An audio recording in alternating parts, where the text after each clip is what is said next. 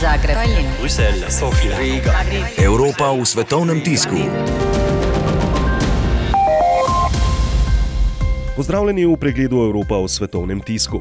Brexit je odnesel še enega ministra. Zaradi odločitve britanske premijejke Therese May, da dovoli glasovanje o odložitvi 50. člena Lizbonske pogodbe, je namreč odstopil kmetijski minister George Eustace. Britanski časnik The Guardian navaja, da je minister ob tem izjavil, da bo to končno ponižanje Velike Britanije. Tudi v francoskem Le Monde so se razpisali o odstopu britanskega kmetijskega ministra Justisa. Pišejo pa tudi o sporu v Evropski ljudski stranki EPP.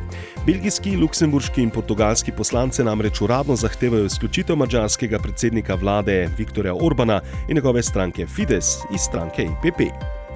O Viktorju Orbanu in njegovi plakatni kampanji proti Bruslju in predsedniku Evropske komisije Jean-Claude Junckerju se je razpisal tudi nemški Frankfurter Allgemeine Zeitung. Evropska komisija je po mnenju Faza začela protiofenzivo. Komisija je včeraj objavila informativni letak na štirih straneh v mačarskem in angliškem jeziku, v katerem odgovarjajo na obtožbe. Mačari si po mnenju komisije zaslužijo vedeti resnico, še piše o Facu. Za konec pa še v Španijo, kjer se je časnik El Pais razpisal o posledicah, ki bi jih britanska preložitev Brexita imela za volitve in delovanje Evropskega parlamenta. Pravna služba Evropskega parlamenta ugotavlja, če bo Združeno kraljestvo sodelovalo na evropskih volitvah maja ali ne, to ustavnosti ali dejavnosti parlamenta ne bi ogrozilo, še piše v El Paisu.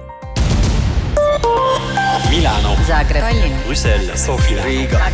Evropa v svetovnem tisku.